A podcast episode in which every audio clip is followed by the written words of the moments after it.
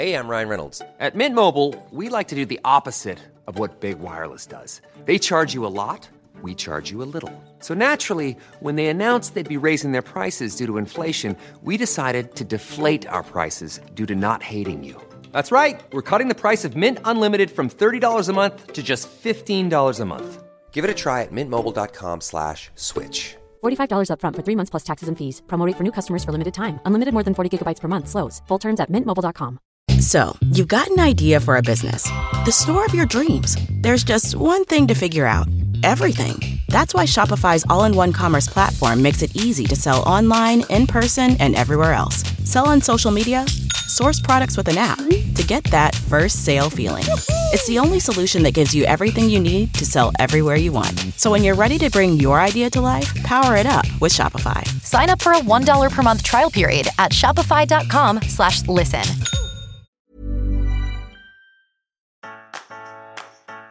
Du lyssnar på Ridsportpodden, en ny podcast från tidningen Ridsport. I den här podden träffar vi ryttarna som du vill lära känna på djupet. Värd för programmet är hästsportsjournalisten Andrea Berlin. Det är dags för ett rykande färskt avsnitt av podden. Vi har fått chansen att komma in på Falsterbo Horse Show-området innan grindarna har öppnats. Och självklart har vi träffat presidenten själv, Jana Vannius. Vi vill ju såklart höra alla nyheter inför årets tävlingar, men även vad som är framgångsrecepten för att arrangera Sveriges största hästevent. Dessutom avslöjar Jana sina tankar om framtiden, hur han hittar sitt driv och varför man aldrig blir för gammal för att rida. Följ med mig upp på nya dressyrpaviljongen där vi ska ta dagens snack.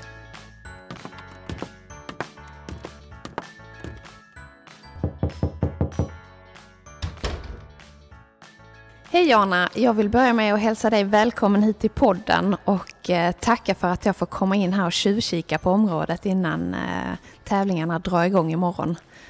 Tack så mycket själv och välkommen. Och det är full fart nu. Eh, vi sätter igång imorgon och vi har nio dagar framför oss. Och det är ju faktiskt lite tjuvstartar vi genom att vi har den här träningshoppningen för Ridsportallsvenskan idag på eftermiddagen. Och, eh, men vi är, känns hyfsat bra förberedda. Det gör det. Men hur brukar det kännas? Har du någon sån där oro i, i kroppen när det, när det är dags? Nej, det vill jag inte påstå att jag har. Eh, jag är... Eh, man undrar alltid över saker som man inte kan påverka, till exempel vädret. Det för alla utomhusarrangörer. Mm. Och eh, det, det, är ju en viktig faktor i sig, alltså för allting som ordnas på det här sättet utan tak ovanför. Men i övrigt så känner jag ingen större oro. Alltså, vi har en stark organisation som eh, vet vad de sysslar med. Mm. Har du några speciella förväntningar i år?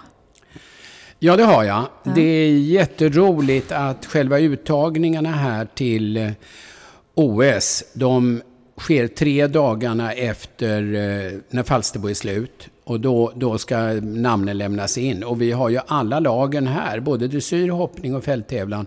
Fälttävlan är ju här på någon form av tränings, sista förberedelsegrej här, både på dressyren och på hoppningen i början på veckan. Det ska bli jättespännande. Kul! Du har ju väldigt lång erfarenhet av att arrangera en sån här stor tävling. Eh, men hur mycket arbete ligger egentligen bakom? När börjar processen?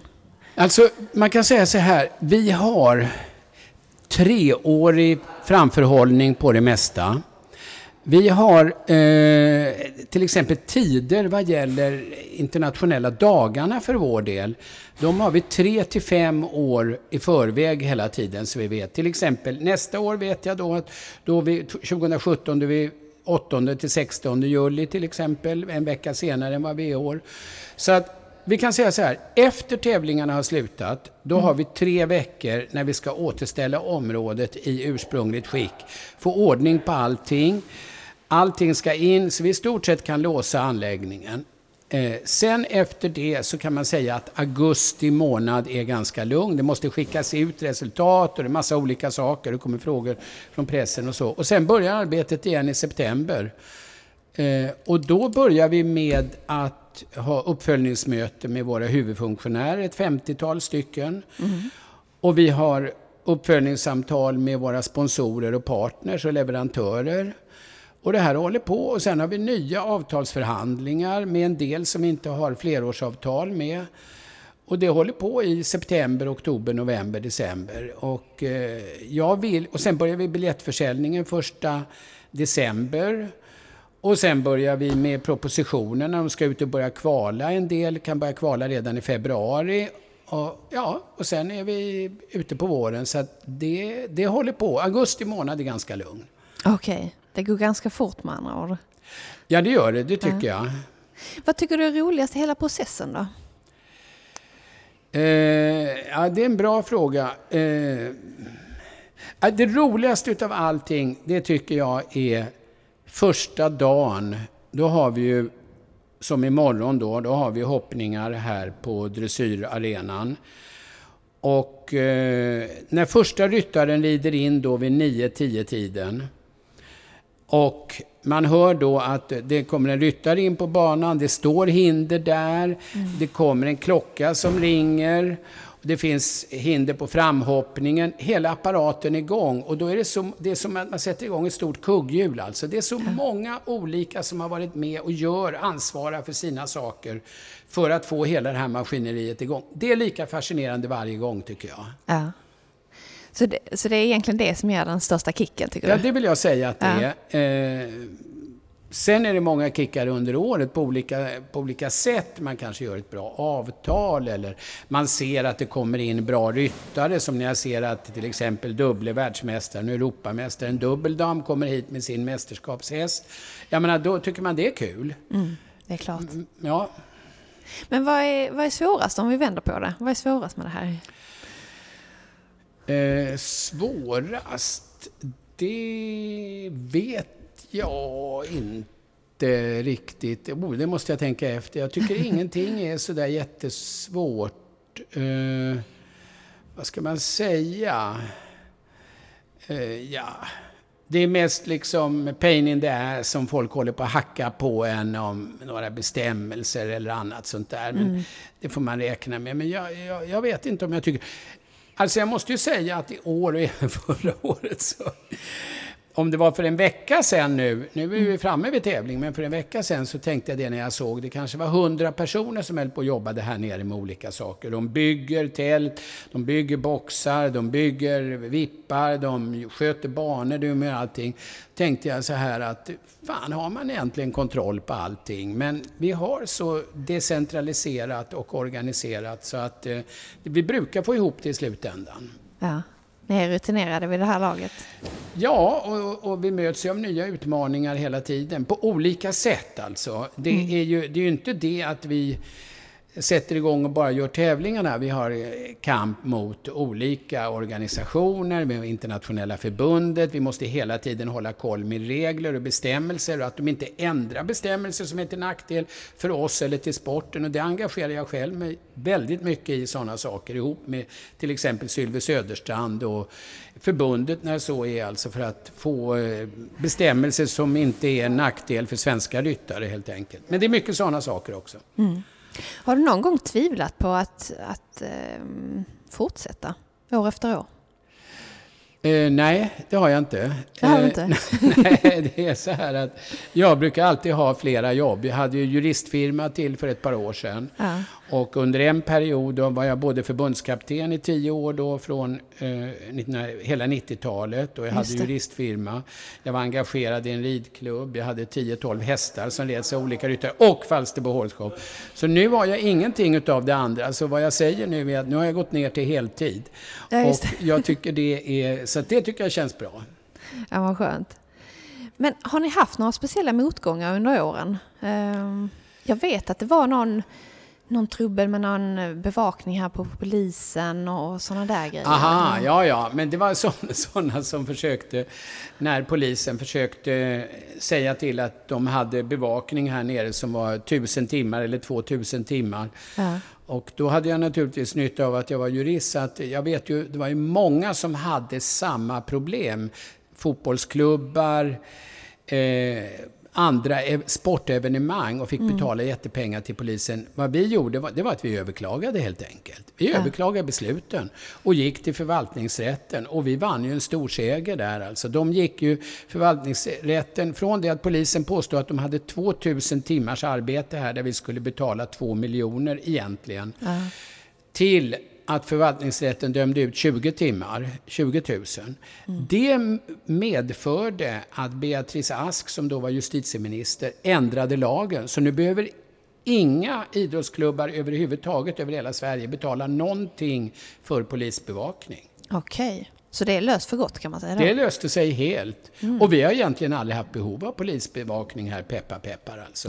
Ridsportpubliken är en hyfsad, det är ingen direkt hooligan-publik alltså. Nej, och Falsterbo är ganska lugnt i sig själv också. Det, det tycker jag att det är. Ja. Men eh, du förnyar ju mycket grejer här på, på området och sådär. Mm. Hur, hur funkar det med bygglov och sådär? Får, får, får man göra hur som helst? Nej, det kan jag tala om att det får man definitivt inte göra. Utan vi har ju bygglov på allting. Vi går ju in. Det är så här, det är faktiskt kanske värt att berätta i korthet. När jag började engagera mig här 85, då fanns det en läktare här på hoppningen för 250 personer. Den var 40 år gammal. Det var vad som fanns. Ja. Och då i alla fall så skulle vi bygga en läktare. Vi hade en stor läktare, den här Lars Hedin-läktaren. Och eh, då skulle vi ha den ritad. Och då var det en kompis till mig som var nyutexaminerad arkitekt. Och då sa jag till honom, du har inget jobb och vi har inga pengar. Nu kan du få rita den där gratis. Men å andra sidan lovar jag att om vi i fortsättningen har pengar och ska bygga får du rita allting. Ja, okej. Och det vi sitter i nu, den här fantastiska, tycker jag, dressyrloungen. Ja. Eh, den har han ritat. Nu är han pensionerad och har haft väldigt bra jobb under tiden. Men så vi, vi, vi, eh, ja, vi, vi bygger, vi har bygglov och jag har kompisar då som är civilingenjörer som varit pro- projektledare och sånt där då. Så det, ja, det fungerar. För de som inte vet så sitter vi ju nu, du kallar det dressyrpaviljongen. Ja, Och det är mitt emellan eh, dressyrbanan och framridningsbanan. ja det är det. Ja.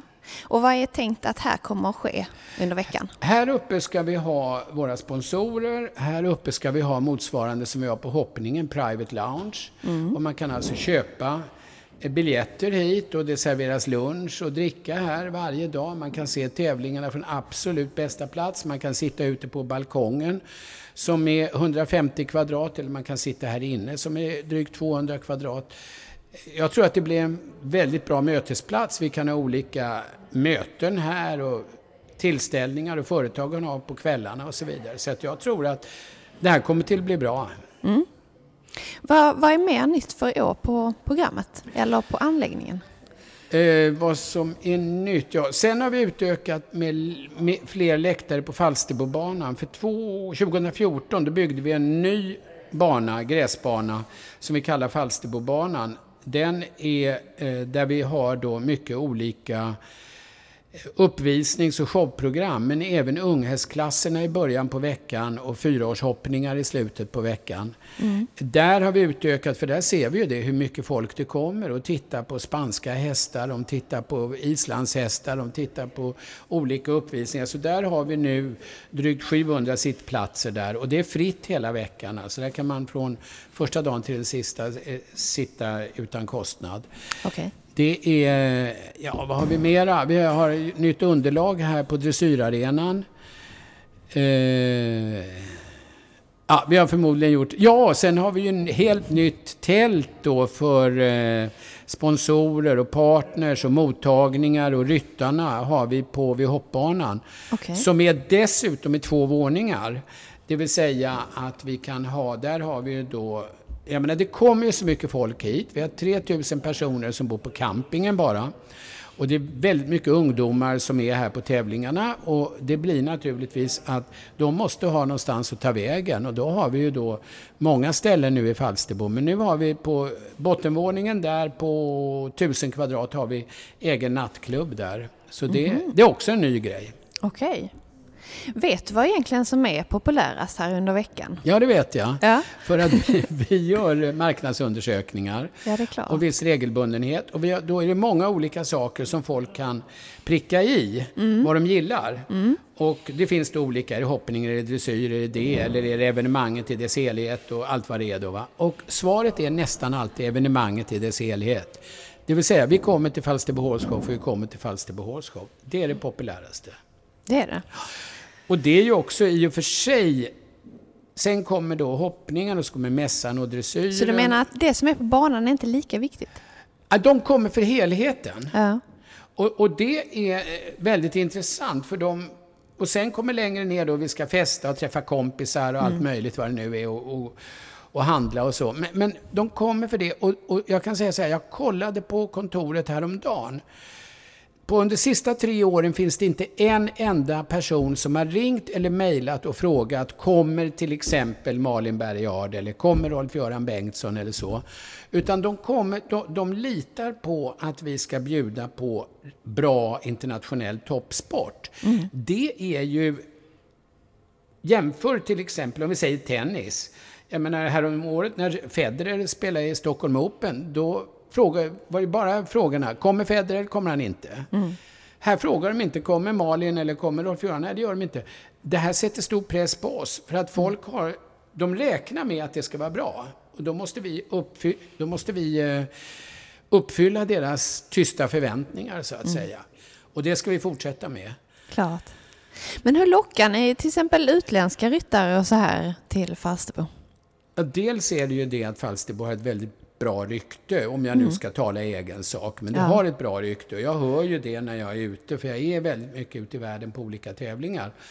Eh, Men dels är det ju också att folk eh, kommer, vi har bra prispengar, vi har de här lagtävlingarna, både i hoppning och dressyr. Mm. Och det gör ju att förbunden vill skicka hit sina bra ryttare helt enkelt. Alltså Mm. för att tävla i de här olika lagtävlingarna. Som, i, som sen slutar med till exempel hoppningen med en final i Barcelona i september. Men de är lite avgörande för att de ska komma hit menar du? Nej, det påstår jag inte. Men, men det är en väldigt bra sak för det, det, det säkrar kvaliteten. Mm. Men, eh, och, andra, och, och, och det är... Eh, det är ju, som jag sa innan, det är viktigt för hela vår publik. Alltså att det är hög kvalitet på det här. Och eh, det är väldigt bra också att Sverige har en sån här plats där man kan ha sina lagtävlingar. Det ligger väldigt bra till geografiskt. Det är etablerade tävlingar, förbund, internationella förbundet gillar platserna, ryttarna, lagledarna gillar platsen och så vidare. Och, och eh, ja, där är det. Är det någon speciell utländsk ryttare som vi ska hålla ögonen öppna för i år? Jag tycker det är jätteroligt att brasilianska OS-laget kommer hit. Ja. I USA i vintras så var de på mig och frågade kan vi inte komma till Falsterbo? Nej, så jag, det går inte för att vi har de åtta lagen har jag redan bjudit in. Vi ska åtta lag i nationshoppningen. Ja, men går det inte? Sen är- var det, blev det lite trassel med Spanien, så jag pratade med dem och de skulle då inte komma. Och då meddelade jag dem det och de var superglada. Rodrigo Pessoa tryckte på med Neco Pessoa tryckte på med George Morris som är tränare. Och det ska bli jättekul alltså. Rodrigo kommer hit. Han tävlade här själv första gången på den första internationella tävlingen när han var 16 år. Men hur lyckas man egentligen med det här att eh, Falsterbo Horse är ju, eller klassas ju som, som årets höjdpunkt och årets eh, hästevent. Eh, hur kan man göra så att det blir lika uppskattat varje år tror du? Eh, Alltså vi har ju ett par mantra. Det ena är då, det ska vara lika mycket horse som show. Det måste vara underhållande och det måste vara varierat. Det andra är att vi har också ett mantra eh, som jag såg på väggen på ett hus i Shanghai och det stod det då Tradition and Renewal, alltså tradition och förnyelse. Och det tror jag bägge två passar ganska bra in på oss. Eh, och jag tror att eh, det ska vi fortsätta med. Och sen har vi ytterligare en sak till, att vi har ju det här under nio dagar i vad jag kallar fyra olika sjok. Vi har första helgen, då har vi kvalen för amatörerna, vi har ridsportallsvenskan, vi har kvalen för svenska ryttarna som inte är uttagna utav förbundsledningen. Och vi har open house på lördagen. Det är första kvalet. Då hoppar vi här på dressyrbanan. Sen har vi andra choket, det är måndag, tisdag. Då är det liksom för alla insiders. Då är det unghästarna. Folksam Scandinavian Open i hoppning och dressyr, fem och sexåriga hästar. Och det gillar ju folk. Då kommer hästhandlare från hela världen och mm. uppfödare och alla sånt. Tredje choket är på onsdagen. Då har vi familjedag med massa olika grejer. Och så ponnyryttare, hoppning och dressyr, de tio bästa varje. Här Falsterbo Hunting och driving cross country, sådana saker. Och så massa grejer varje dag på Falsterbobanan. Det är tredje mm. chocket, det är familjedagen. Den, den, har blivit jätte, jätte, jättestor alltså. Då, alla de som är här då den dagen, jag känner inte igen en människa. Sen kommer vi på torsdagen till söndagen. Då är de internationella tävlingarna och finalerna i Scandinavian Open och så. Så det är lite olika publik som kommer olika tider. En del är här hela tiden. Genomsnittligt är en besökare här 3,1 dagar. Okej. Okay. Mm -hmm. Men det är ju så här att det är många som försöker arrangera hästtävlingar och hästevent i Sverige och det är mm. ju inte helt lätt. Eh, Nej. Det är inte alla som lyckas. Eh, har du egentligen några tips som du skulle vilja dela med dig av till mindre klubbar då som, som kämpar med sina event? Eh, två grejer. Börja förbereda i tid. Mm. Det är det första vad det heter på engelska, to fail to prepare is to prepare to fail. Börja i tid, det är det första.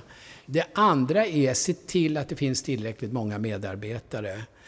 Det är som så, på klubbnivå är det ofta på det sättet att det finns en eller två väldigt drivande och entusiastiska personer som alltid säger ja det kan jag fixa och det gör jag och så. Mm. Och efter tre, tre år, du vet, då, får man, då ligger de utslagna, man får behandla dem med syrgas, alltså de säger aldrig mer.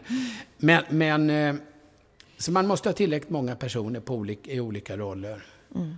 Du tror att de är för få helt enkelt, så det blir svårt att driva det? Det blir för mycket för var och en då. Ja. Det läggs för mycket ansvar på var och en. Det är bättre att man är flera alltså. Det är ju som vi har Hej, jag Ryan Reynolds. Recently, I asked Mint Mobiles legal team if big wireless companies are allowed to raise prices due to inflation. They said yes. And then when I asked if raising prices technically violates those onerous two-year contracts, they said, what the f*** are you talking about, you insane Hollywood ass?"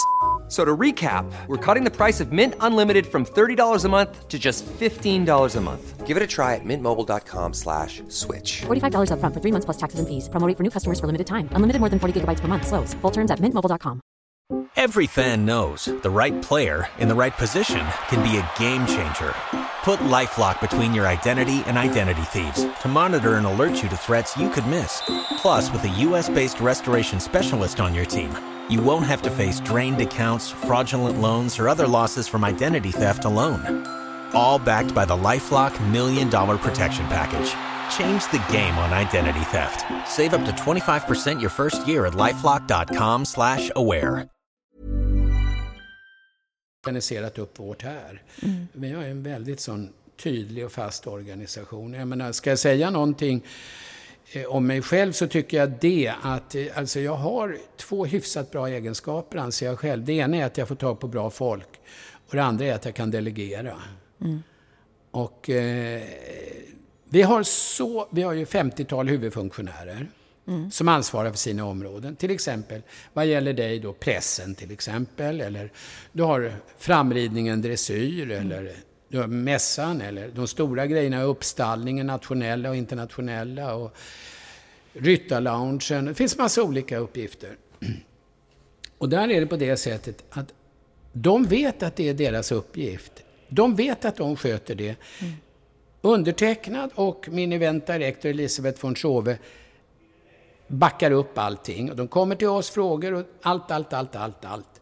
Men de driver det och de vet att ingen annan, de kan inte vända sig om och hoppas att någon annan gör det. Mm. Och jag kan bara säga så här, vi har massvis med ungdomar alltså som är 20-årsåldern som har sådana här olika ansvarsområden. Mm. Och jag är så imponerad. Du borde komma en kväll här nu. Varje kväll har vi en halvtimme efter sista hoppningens slut, har vi på Falsterboläktaren vid stora hoppbanan, har jag huvudfunktionärsmöte. Okay. Och då går vi igenom vad som hänt under dagen. Det tar en halvtimme och talar om vad som ska hända nästa dag. Då får du höra sådana fantastiska historier ibland som man tror inte att det är sant vad som har hänt. och som de löser problemen under dagen. Ja. jag är så imponerad. Jag är så nöjd alltså. Ja. Med vilka bra medarbetare vi Men då har. måste jag fråga, de här ungdomarna då, de, de ställer upp och jobbar utan lön kan Nej, man ju säga, utan eller? alla de här huvudfunktionärerna, i princip de flesta huvudfunktionärerna har jag avtal med beroende Mm. på hur mycket tid de lägger ner. Och de kan ju vara allting mellan 20 till 70 år, men det finns många av dem som är ungdomar. Sen har du de vanliga funktionärerna, eh, om vi kallar då gräsrotsfunktionärerna som gör ett fa- fantastiska jobb. De är till exempel läktarvakter eller de är, står vid entréerna, de sitter i kassorna och så vidare. Så, va? De har, föl- de har följande, de jobbar genomsnittligt fyra dagar, alltså hälften av dagarna här. Och de har då bor gratis på campingen, de har de här fantastiska funktionärskläderna från Gina Tricot och de har frukost, lunch, middag. Så det tror jag också att det är viktigt, precis som jag sa innan här till dig. Alltså, folk får inte jobba för mycket. Och jag säger det att man måste tycka det är kul. Och då kommer jag in på varför Men vi... det finns tillräckligt med intresse för att det här ska liksom funka och driva det så, eller? Alltså det är så här att när vi lägger ut, nu, nu vet jag inte riktigt hur det fungerar, för som sagt det är delegerat. Eh, så jag vet inte hur det fungerar men, riktigt. Men det här går ju ut då på hemsidan om det här och man kan anmäla sig intresse för funktionär. Jag pratade idag med en, med en som är funktionärsansvarig. Det var 600 som stod på kö och ville Det var det. vara funktionär. Men det är för att man vill komma in på området och kunna mm, vara med på tävlingarna. Och, och, och då har Alltså- man halva tiden kan man liksom titta på tävlingarna Ja, det. och hänga med sina Det kompisar. är värdefullt på något vis. Ja, ja det tror jag. Det skulle jag tycka om jag var funktionär. Om jag var, liksom, jobbade här så skulle jag absolut göra det. Ja. Och det, dessutom blir det ofta sammanhållning mellan alla. Ta till exempel skyttelservicen då som kör 16 bilar fram och tillbaka och hämtar ryttare och domare och så inne på Radisson i Malmö. De är ju, de eh, chaufförerna, de är inte så mycket hästintresserade. De tycker det är kul att köra fina bilar eller vad det nu är för någonting. Och de, de träffas en, två gånger på vintern och går ut och käkar och så. Alltså det blir, varje grupp i sig måste få den här sammanhållningen. Och vi säger ju det då i vår organisation, eller när vi drog igång det här. Vi gör tävlingen av tre orsaker. Ett, vi gör det för svensk ridsport. Två, vi gör det för internationell ridsport. Vi ska kunna göra fina tävlingar här i Sverige. Du vet, svenska ryttarna är ute och tävlar mycket, då måste vi kunna bjuda tillbaka. Nu bjuder du mig på middag, om 14 dagar bjuder vi dig på middag. Va? Det är ungefär samma sak. Och det tredje är det viktigaste, vi vill ha kul. Jag Har har- ni känt av konjunkturen sådär under årens lopp? Eh, det lustiga var, det, alltså det är en superbra fråga. När jag började, eller 2008-2009, när smällen kom, då hade vi inte, vi hade ett sponsoravtal klart för året efter. Det var allt vad vi hade. Alla treårsavtal och tvåårsavtal och fyraårsavtal hade gått ut.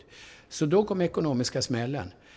Ja, jag tänkte, hur fan ska vi klara upp det här? Ja. Men det gjorde vi och intresset är så grundmurat, dels för ridsporten i Sverige och dels i förtroendet, vill jag säga, för Falsterbo Horse Show och vad vi gör.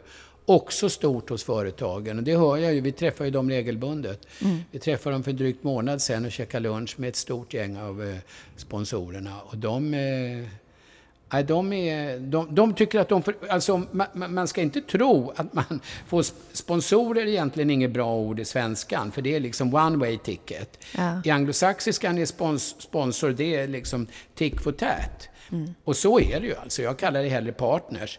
För att det är ingen som kommer hit för att de är kompis med mig. Utan de kommer hit för att de tycker att det är bra för företaget. Men hur är det generellt att, att investera i ridsporten? Är det populärt och Ja, det är det. känner Ja, företagen det att Företagen De vill. vill. vara med här. Det ni har aldrig känt att, att det varit trögt på den Nej. biten? Det, jag vill säga att det, det är ingen som kan påstå att någonting är lätt. Alltså. Nej, naturligtvis inte. Nej. Men, men däremot så, jag menar, vi har ju företag som kontaktar oss och som vill vara med. Mm. Det händer ju varenda år. Och det är ju väldigt trevligt. Men det gäller att man levererar. Ja. Man levererar vad man har utlovat. Alltså inte bara massa snack, utan man utlovar. Och vi har ju avtal med varenda partner och sponsor. Och det är ju våra avtal, de är ju normalt två, tre, fyra, fem sidor. Kan vara längre också för den delen. Där är exakt på varenda inträdesbiljett eller varenda skylt eller varenda storlek eller varenda det och så vidare finns absolut klart undertecknat av då eh, firmatecknare i det bolaget. Men vad, vad tror du då är liksom... För andra klubbar i Sverige och sånt har ju väldigt svårt att få ekonomin att gå runt och hitta de här sponsorerna. Ehm, vad gör de för fel eller vad, vad gör att de inte vill investera? Nu, vad ska jag säga? Alltså jag, jag har mycket synpunkter på det där. Jag kan väl ta dem lite i korthet. Va? Det, igen, för, till, det första, till att börja med vill jag säga då att man måste vara ute i god tid med allt. Eh, sen för det andra så måste man då se till att man har arenor och så vidare som är bra. Sen för det tredje så måste man vara eh, när det gäller mindre tävlingar, och det spelar ju ingen roll vilken sport det är, om det är ridsport eller om det är fotboll eller handboll, alla har ju samma problem. Det blir ju ofta företag på orten och det blir företag som man har personlig kontakt med som gör det. Och då ska man se till att man inte gapar över för mycket.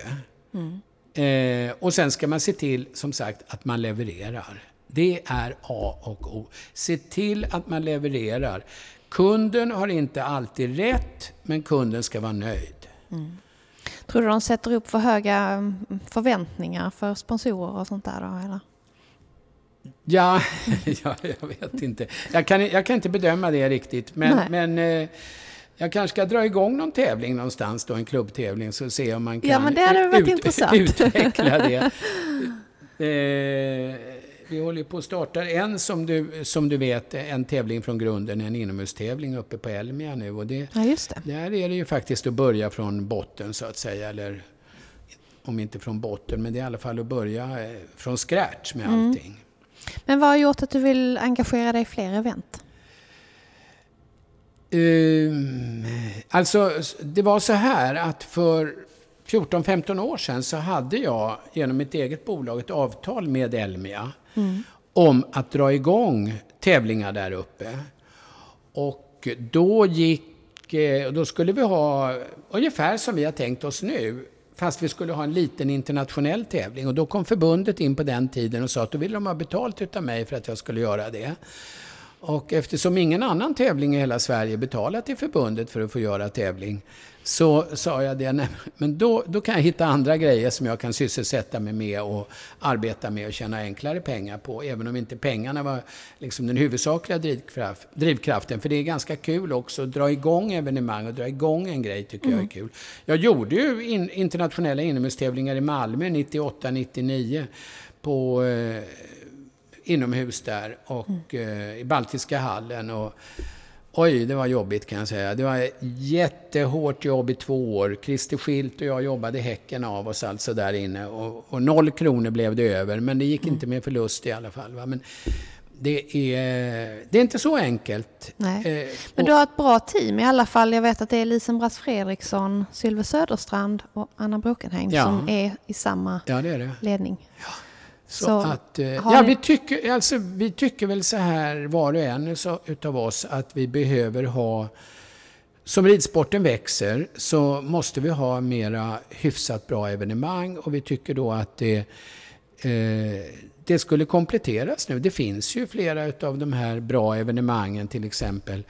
De här det finns ju några Volkswagen Grand Prix-tävlingar, det finns SM inomhus och det finns ett antal. Men jag tror att det finns ett behov och det får vi ju se. Och jag tror att lokaliseringen där tror jag är bra på det sättet att annars ligger det ju i Stockholm Friends och eh, Göteborg då Skandinavium.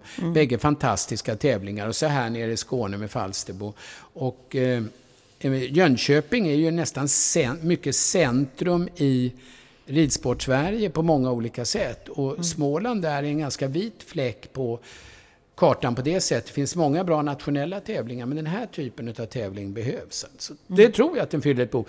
Vi vet det i eh, första november när tävlingen är över, då vet vi det. Ja. Om det var så. Men ni har höga förväntningar tror jag. Det verkar så. Jag, eh, jag har förväntningar, men jag är, alltså jag är optimist, men jag är ekonomisk pessimist. Och, och det, det är en rätt bra grundinställning. Så vi får väl se. Det viktiga är att det blir bra sport, det blir bra för publiken och att vi kan eh, driva evenemanget så det går runt. Det är ju våra Mm. egna pengar vi är inne med där och, och satsar. Alltså.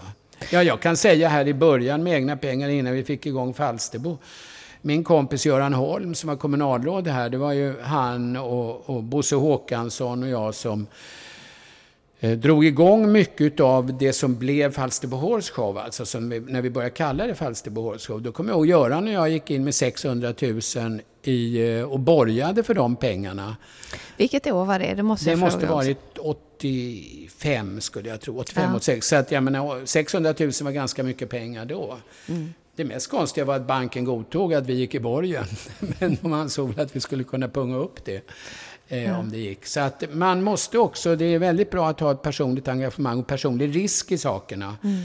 För då jobbar man nog hårdare alltså.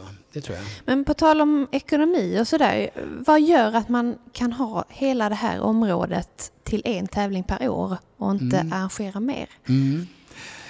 Ja, den där frågan, det händer ju att jag får den och då brukar Ja. de säga att det används bara den här fina anläggningen en gång om året och då Ja. brukar jag säga det som väl är. Och eh, det är tillräckligt stort och det är tillräckligt mycket här över, du vet, publik på över 60 000 och så. Och jag tror det att skulle man göra andra tävlingar här på året, vi säger det, då skulle folk komma med jätteförväntningar och komma hit till Falsterbo, men det skulle inte vara en massa utställare, det skulle inte vara restauranger, det skulle inte vara flaggor, det skulle inte vara så. Va? Och då tror jag att det, det, luften skulle gå ur det där ganska kvickt. Jag har funderat någon gång på om man skulle göra till exempel SM i hoppning eller något sånt där. Det har jag funderat på, men eh, jag har inte kommit dit ännu. Men jag har eh, eh, annat projekt på gång nu för nästa år som eh, jag inte vet om det blir någonting eller inte, men det är, det är faktiskt ganska... Eh, och det är det när jag tittar ut på våra gräsbanor här. Vi har ju fantastisk gräsbana här, tycker jag, på Stora banan. Och jag har Sveriges främsta gräsexpert som hjälper mig med det där. Och då tänkte jag det då, lite så här då som du säger, kan man inte använda det till något annat? Ja. Så att nu har jag i alla fall dragit igång det att jag funderar på om vi skulle nästa år göra i augusti, göra en tennisturnering här på gräs. Jaha, okej. Helt Eh, annorlunda. Ja, på stora banan. Eh, så vi ska pröva lite i år, när tävlingarna är slut, och se om det går liksom att se till då att de, där i sånt fall det skulle vara att det vältas, att man klipper ner, att man, du vet, för det måste ju vara en millimeter tjockt, det blir ju som en golfgreen då. Ja, visst. Och, eh, men det, och där har Det- jag en kille som är här nere, eh, Lasse Wilander, som är i Tennisförbundet och massa grejer, som kan det här. Så att vi får se. Ja, Chansen är 50-50 skulle jag tippa att det kan bli något. ja. Men du har stora drömmar fortfarande om, om tävlingsplatsen här? Eh, ja, Eller jag har ju på kontoret man löfte på mig att jag ska inte bygga någonting nytt till nästa år. Det kommer till att bli lite grejer till nästa år som vi bygger då också. Eh, men jag tror att eh, jag tror att en sak, du har frågat om publiken förut, och marknadsundersökningar, och där är det på det sättet att när de ska kommentera någonting där extra då, de har möjlighet till det, då eh, säger de ofta det att eh, ja, det är så kul att komma för att då får vi se vad de har hittat på i år då. Ja, just det. För nytt, alltså i Du har lite press där, Ja, li, lite press har man på det. det den kommer man nog inte över. Nej. Men hur ser det ut om tio år här, säg? Vet du det? Eh, nej. att säga är svårt, särskilt om framtiden. Ja. Men Ja. nej, det vet jag inte. Men eh, jag... Eh, Hur länge vill du själv hålla på? Eh, det, ja, alltså... Det är naturligtvis ett jobb med det ansvaret som är. För sporten och för eh, ridsporten i Sverige är det också ansvar med att den här tävlingen finns och fungerar bra. Det är ansvar för anställda. Det finns ansvar för massa olika punkter. Och eh, det är ju... Eh, det är ingenting som känns betungande, men jag ser ju inte det här som... Eh, Jag ser inte det här som att, eh, ja nu jobbar jag i två år till och sen lägger jag av. Nej. Jag får se. Om jag, folk lär nog tala om för mig om de inte tycker att jag kan göra det. Det är ju inte det att folk i ridsporten är direkt eh, försiktiga med att uttala sig om olika saker, så det bekymrar mig inte. Va? Nej. Sen är det ju det att eh, jag ser ju det då att eh, då är det ju såna här killar och tjejer i USA då som Donald Trump och Hillary Clinton. De eh, vill nu bli eh, presidenter i USA. Det ju, måste väl anses ändå som kanske världens tuffaste jobb. De är 70 bägge två. Och eh, det bryr de sig inte om. Då ska de, om de blir valda då, någon av dem, så kan de eventuellt, först en fyraårsperiod tills de är 74, sen ytterligare en period tills de är 78. Ja. Det är bara att jobba på. Ja. Jag menar i Sverige börjar eh, vad heter det, spara till pensionen när du är 17 ungefär. Va? Den inställningen har de inte riktigt i USA. Va? Och jag tror jag är lite mer stöpt i den formen så att säga. Och dessutom tycker jag det är väldigt roligt. Ja, Det är bara bra människor man håller på att jobba med. Ja. Så länge du har energi och tycker det är kul Ja. så rullar det. Mm. Ja. Men är det någon annan i familjen som, som eh, har samma intresse som du som vill eh, så småningom ta över? Eller det... Det vet inte, eh, ja, det vet jag inte. Min dotter bor ju här nere. Hon är ju småbarn. Hon har tre små barn och hinner inte engagera sig så mycket. Vi håller på med ett annat projekt, hon och jag och Sara Silverberg. Eh, vår son som, driver, som är väldigt entreprenör och eh, civilekonom och flyttat till Kina för tio år sedan har drivit företag där. Honom har jag jättestor hjälp av här hemma, att kunna bolla olika idéer och synpunkter med. Eh, Jag tror att han kommer alltid till att spela en roll här i Falsterbo, det tror jag. Och dessutom har han ju varit funktionär då i, du vet, i 25 år. Och eh, han har ju gått den långa vägen. Han började med att sopa läktarna, du vet, när han Ja, var åtta, ihop med sina kompisar. Så att Okej. eh, det, det tror jag att han kommer till att spela en roll här, det kan jag tänka mig. Ja. Men när du inte håller på med det här, eh, sysslar du med hästar och rider du? Eller hur ser det ut? Jag rider och jag rider regelbundet i, i eh, flera gånger i veckan. Ja. Eh, Jag rider också i USA en del. Och, Är det en egen häst som du har då? nej, jag har inte det utan Nej. där eh, har jag då vänner som rider då. Och eh, sen har jag två ston och två ettåringar och ett föl uppe i Blekinge. Mhm. Som, eh, så jag håller på med lite uppfödning, men uppfödning då per postgiro då. Okej. Men vi, vi åker, min fru och jag upp en gång i månaden och tittar på de här hästarna. Va? Det är Ja. jättekul. Va? Men när du rider, är det här runt Ja, det här är omkring på- krokarna i Falsterbo överhuvudtaget. Det är ju fantastiskt att rida här. Och på Ja, hösten och våren, du vet, och du kan rida, galoppera på stränderna här. Det är ju makalöst. Alltså man rider ner vid Skanör ut till eh, sjömärket där ute. Du, vet, du kan galoppera på en, du vet, en hård sandstrand då, som är hård utav vattnet så att säga. Eh, kilometer där och den är kanske 40-50 meter bred och du kan rida i vattnet där, där det är, så det bara täcker hovarna och rida här halvmil. Alltså, det är helt Härligt. makalöst att rida här nere. Det är som att rida på de bästa ställena i Frankrike. Du vet på sådana här kuster och sånt. Det, det är helt otroligt bra. Ja. Men du är inte rädd eller så när du sitter till häst? Nej. Drutta av i vattnet? Och... Nej, det är jag inte. Nej. Det är jag inte. Nej, Jana, det här har varit jättetrevligt att prata med dig lite här inför imorgon och eh, jag vet att eh, det är många som är spända och förväntansfulla inför veckan. Ehm, Så eh, vi får väl hoppas på som vanligt jättefint väder och att, att grindarna öppnas imorgon. Tack så mycket. Det gör Tack vi. själv. Vi vill jättegärna veta vem du vill att vi ska träffa nästa gång och vad vi ska prata om. Maila till oss på podden snabel tidningen ridsport.se. Programmet producerades av Lavaletto. Tidningen Ridsport. Allt du behöver veta om sport, avel och nyheter. Prenumerera du också.